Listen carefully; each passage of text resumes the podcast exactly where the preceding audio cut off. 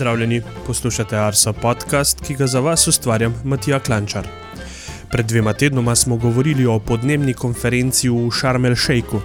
Pogovor, ki sem ga imel s Tino Kobilšek, bo danes dobil nadaljevanje, ko bom z gostjo Barbaro Simonič govoril o prilagajanju na podnebne spremembe. Še vedno se lahko na naš podcast naročite.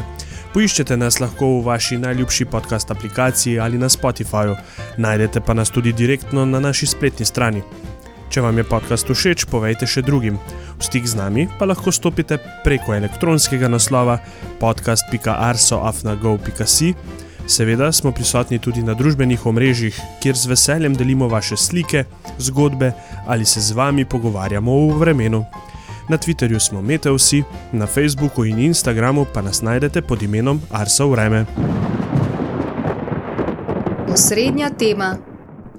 Kot sem dejal že v uvodu, tokrat v srednji temi v svoji družbi pozdravljam Barbaro Simonič, ki prav tako kot Tina prihaja iz oddelka za podnebne spremembe na Ministrstvu za okolje in prostor. Tam skrbi predvsem za izvedbo prilagajanj na podnebne spremembe. Tudi Barbara pa je bila lansko leto na podnebni konferenci v Šarmel Šejku, tako da boste lahko tudi z njene prve roke izvedli nekaj podrobnosti z konference. Barbara, zdravo. Živijo. Podobno kot sem vprašal Tino, eh, te za začetek čaka vprašanje, kako si pristala v službi podnebnih sprememb. Ja, jaz lahko začnem mogoče leta 2003, ko sem sedela doma in brala delo, prav spomnim se, kako sem prebrala o podnebnih spremembah in se začela spraševati, zakaj noben več ne naredi o tem.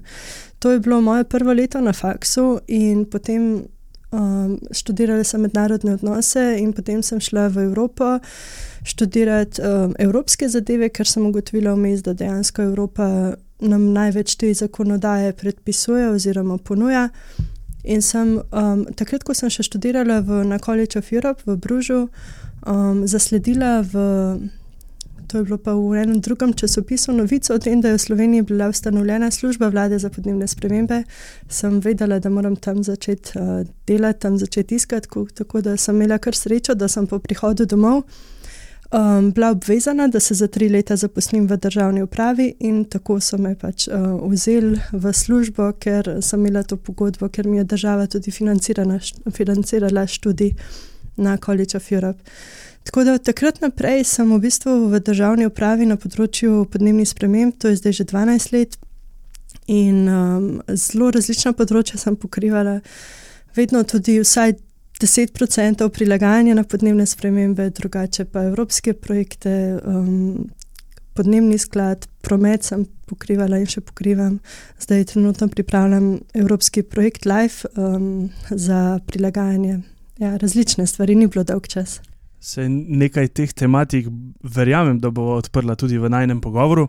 Um, zdaj pa na začetku smo že omenili, da se tudi ukvarjaš z prilagajanjem na podnebne spremembe. Uh, kaj sploh je prilagajanje? Če je v bistvu tako osnovno vprašanje, ampak mogoče malce bolj teoretično, ampak zelo pomembno.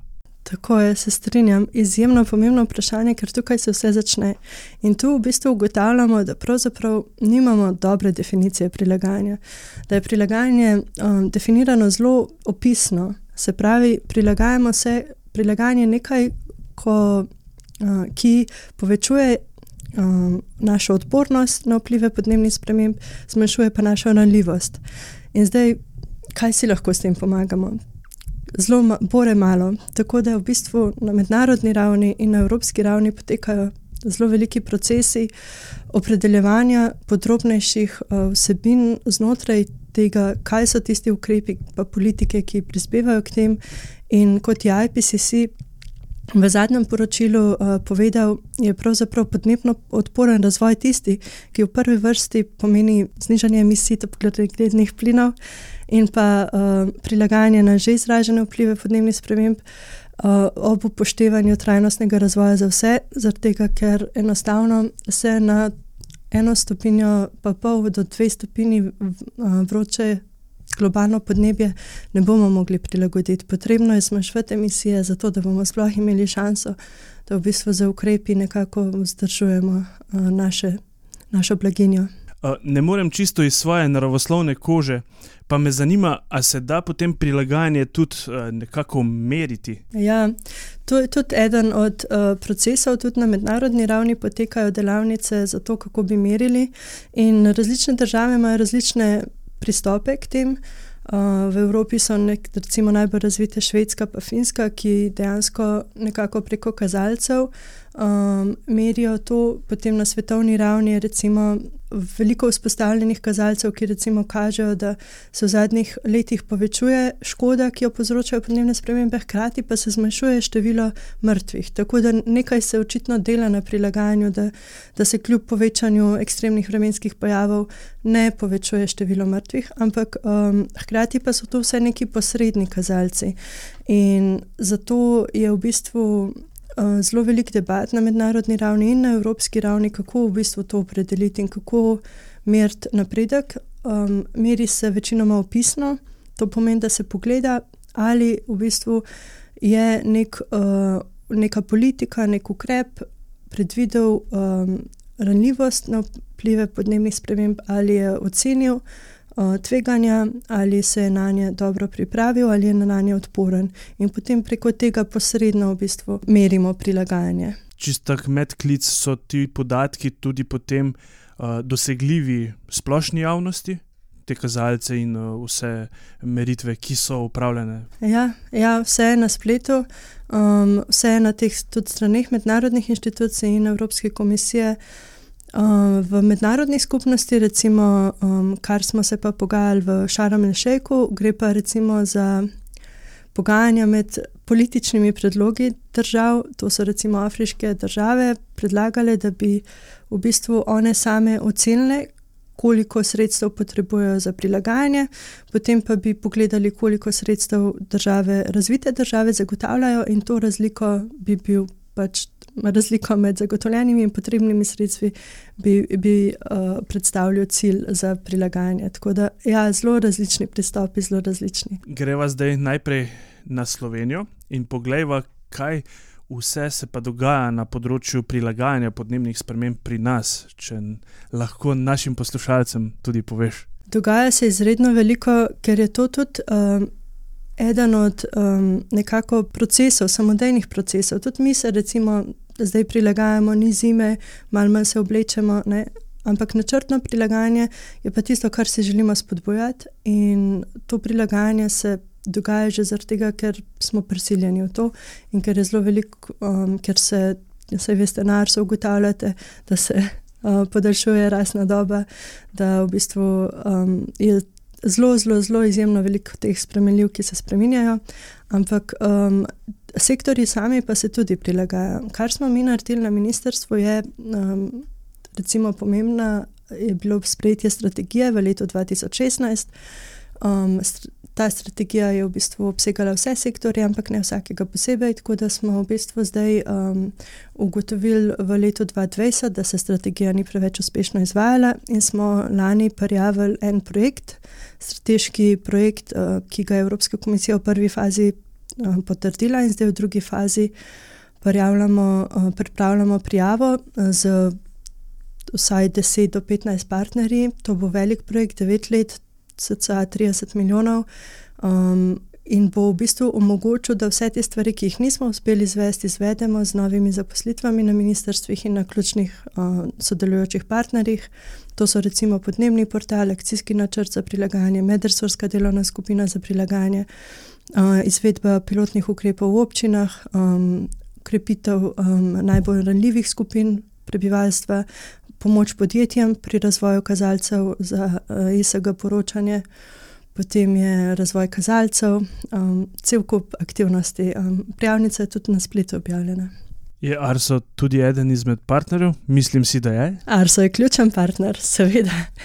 Omenila sva že, da si tudi v lanskem letu se udeležila mednarodne konference v Šarmel Šejku in tudi že v današnjem pogovoru si malce omenila Afriko. Je bil to letošnji kop, afriški kop, in pa s tem je bil tudi poudarek, verjetno na temah, ki se zadevajo Afrike. Kako se je to potem kazalo na samih pogajanjih? Ja, zdaj si moramo uh, predstavljati, da je to izjemno tak uh, velik proces. Uh, bilo je že omenjeno 40 tisoč ljudi, od tega je CCA recimo 4 tisoč ljudi, res dejansko pogajalcev. Ostali so um, prišli zaradi stranskih dogodkov ali pa začasno za nek uh, high level event, uh, dogodek na visokem nivoju.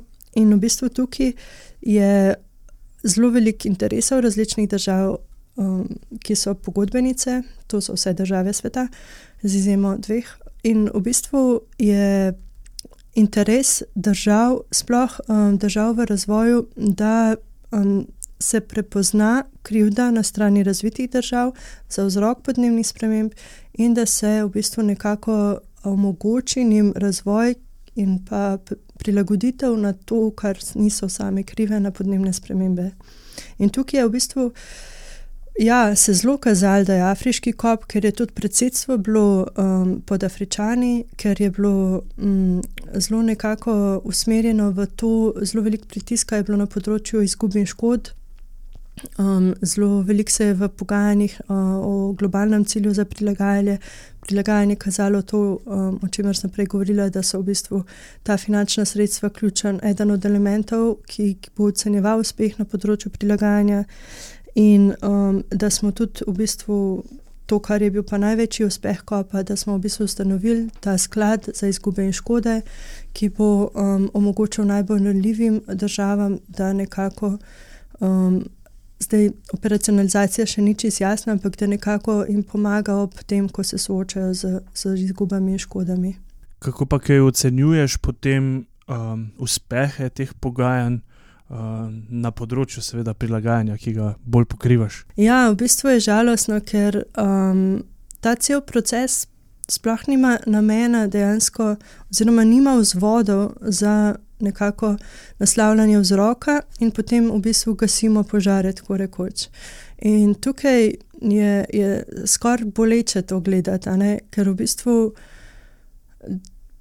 ukvarjamo se s posledicami, nikoli pa ne, ne, ne tako, kot bi ne vem puščala voda, mi bi pa v bistvu vodo zlivali ven, ne bi pa začepali izvira. In tukaj je tudi tako, da v bistvu noben ga ne zanima, kako bi zmanjšali rabo fosilnih goriv, zato se tudi pojavlja že m, mm, nova zahteva, tudi dve državi sta podpisali to zahtevo, da bi ustanovili novo konvencijo, okvirno konve pa tudi ne okvirno konvencijo, ampak prav konvencijo o opuščanju rabe fosilnih goriv oziroma o neširjenju, tako kot neširjenju jedrskega orožja, tudi neširjenju fosilnih goriv. In to bi edino naslovilo vzroke. In z tega vidika je potem. Lahko rečem, da ja, za prilagajanje je bil to uspešen kop, ampak mi smo ustvarjali v bistvu črno luknjo, ki, ki nima dna se pravi, te izgube in škode se bodo povečevale. Dejansko se IPCC ocenjuje, kot veste, ne, da se bo gladina morja še naprej povečevala. To pomeni smrtno obsodbo za male otoške države.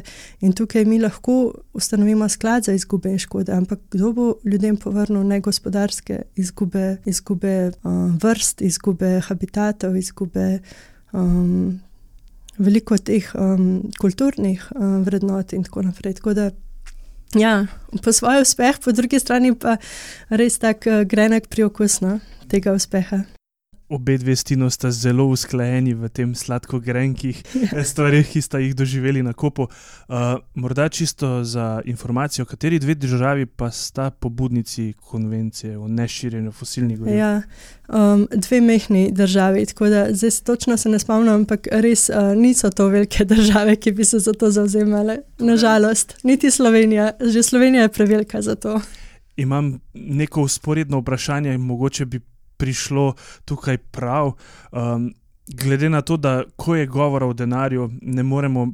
Mimo omembe lobijev različnih, ki seveda jim je v interesu, uh, verjetno še nadaljevanje kurjenja, kurjenja fosilnih goriv. Kako se to mogoče, a si zaznala na samem konferenci tudi ta vpliv? Ja, jaz uh, veliko se govori o tem, da je pač največja delegacija na kopu delegacija lobistov, ampak dejansko se to nekako ne zazna, ko si tam, ker v bistvu ne vidiš razlike med lobisti in recimo predstavniki neke arabske države, ki je itak, a ne.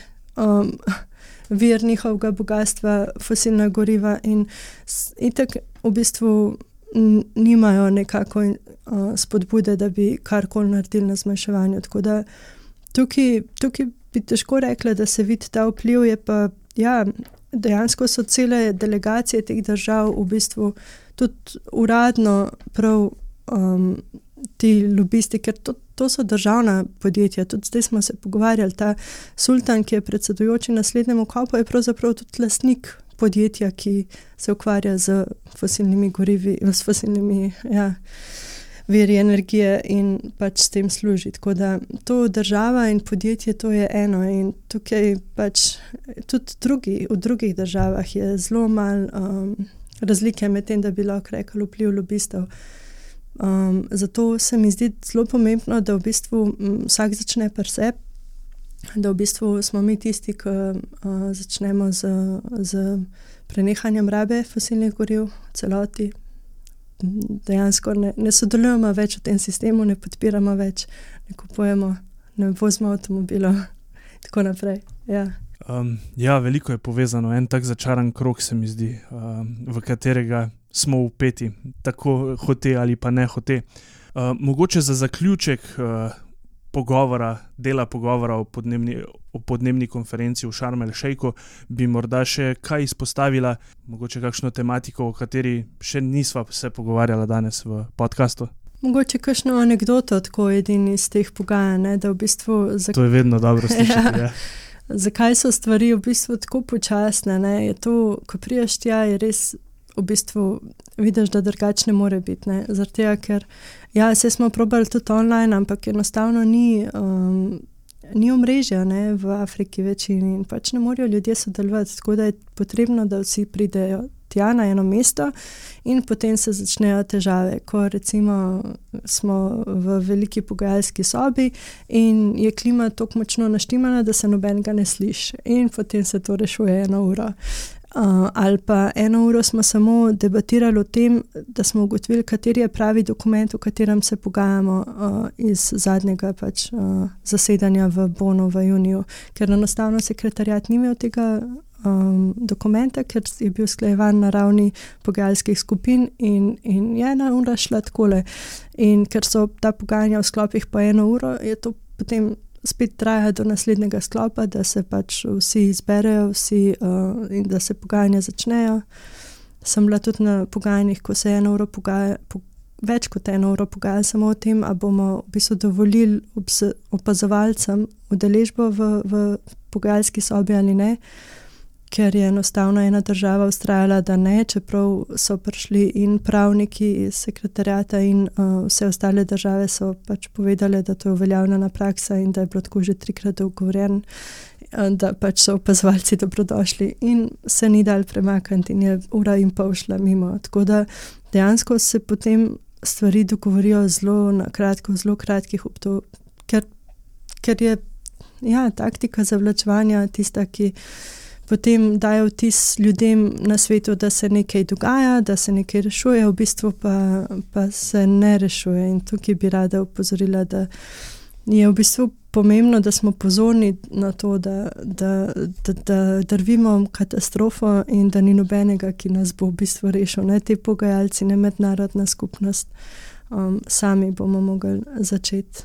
Ja, ja, zanimive anekdote, mogoče tudi. Uh, odprejo nekaj misli za naprej, kaj spremeniti.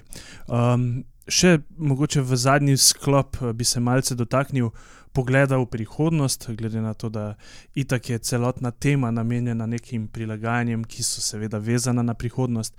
Um, kaj naprej, kako se bomo lotevali uh, vseh teh tvojih predlogov oziroma vaših stvari, ki jih počnete tudi na ministrstvu? Um, jaz moram reči, da v teh zadnjih 12 letih, kar delam na ministrstvu, da se je zelo veliko stvari spremenilo, da v bistvu se neko zavedanje širi uh, v javnosti. Um, da je tudi več, recimo, tudi mladi za podnebno pravičnost, ki so imeli proteste, je zelo veliko ljudi prišlo, je to pokazatelj, da v bistvu ljudi skrbi, da se zavedajo uh, resnosti problematike, sploh mlade generacije, ki bodo najbolj na udaru. Ampak um, jaz bi rekla, da v bistvu tudi znanstveniki opažajo, da so bile v bistvu napovedi prekonzervativne, um, da se stvari dogajajo hitreje, kot je bilo pričakovano, bolj intenzivno, in da v bistvu se moramo. Ne, moramo nekako znižati naša pričakovanja do tega, kakšen bo svet v prihodnje. Svet najbrž ne bo šlo na bolje, uh, svet bo vedno bolj vroč, nagneten, vedno manj bo priložnosti za um, razen luksus v smislu letovanj v tujini in tako naprej. Uh, v Sloveniji bo vroče, sploh zdaj to najbrž meteorologi bolje veste, ko je bil ta vpliv Elninja prekinjen, ne pa bo zdaj. Neko obdobje se napoveduje, ko bo ta vročina še bolj tako izrazita. Tako da v tem smislu vsako ukrepanje države zaostaja za, za, za vsaj deset let za realnostjo, in tukaj bodo ljudje mogli kar uh, resno razmisliti, kako v bistvu um, se zavrvati pred vročino, se za kmetijski proizvodni, kako bolj uh, na sušo odporne rastline gojiti um, in ja, v tem smislu se prilagajati, graditi skupnost, ker samo ta bo recimo preživela solidarnost. Mislim, da lahko končava z najnim pogovorom z nekaj pozitivne note, ki si omenila v zadnjem stavku, skupaj nam bo uspelo, kar pomeni, drugač, da ja, pomagajmo si, zavedajmo se teh stvari, ki nas še čakajo. Uh, konec koncev lahko poslušalce tudi povabimo k spremljanju uh, stvari, ki jih delamo tukaj mi na agenciji, uh, in pa seveda tiste stvari, ki jih delate na trenutno še Ministrstvo za okolje in prostor. Uh, Barbara, najlepša hvala za tvoj obisk v našem podkastu. Upam, da bova imela še priložnost, uh, kdaj se dobiti, pa reči kakšno na temo podnebnih sprememb. Hvala za povabilo in hvala za odličen podcast. Se veselim tudi v prihodnje sodelovanja. Obeti. Kakšno bo vreme v naslednjih dneh, je pripravil Andrej Velkavrh. V sredo se bo nad zahodno polovico Evrope zadrževala globoka dolina s hladnim zrakom. Naši kraji bodo pod vplivom južnih do jugozahodnih višinskih vetrov, v višinah bo razmeroma mrzel zrak, zato bo ozračje nestabilno. Po sneženju v torek popovdne in v prvem delu noči na sredo bo vreme v sredo čez dan bolj dinamično in spremenljivo. Nastajale bodo krajovne plohe, lahko doživimo vse od dežja do snega, tudi kakšno sodro, lahko bo tudi zagrmelo. Ponekod bo zapihal jugozahodni veter. Temperature bodo od 2 do 8, ob morju do 10 stopinj. V noči na četrtek bo k nam od severovzhoda začel dotekati pri tleh hladnejši zrak, ozračje se bo stabiliziralo. Zapihal bo severovzhodnik, na primorskem šipka do zmerna burja. V notranjosti Slovenije bo rahlo snežilo, malo hladneje bo. V petek bo zmerno do pretežno oblačno in večinoma suho, na primorskem bo pihala burja. Ob koncu tedna bomo imeli suho vreme z nekoliko nižjimi, predvsem nočnimi temperaturami. Oblačnost se bo trgala, a ne povsod. Ker bo kaj jasnine, bo lahko nastala megla. V prvi polovici prihodnega tedna bodo padavine spet nekoliko verjetnejše. Za enkrat kaže le na manjše količine, v notranjosti naj bi večinoma rahlo snežilo. A žal napoved za dneve od ponedeljka do četrtka prihodnji teden ni najbolj zanesljiva. 94. epizoda Arso podcasta je pri koncu. Želim vam obilo zimskih užitkov in se slišimo čez 14 dni.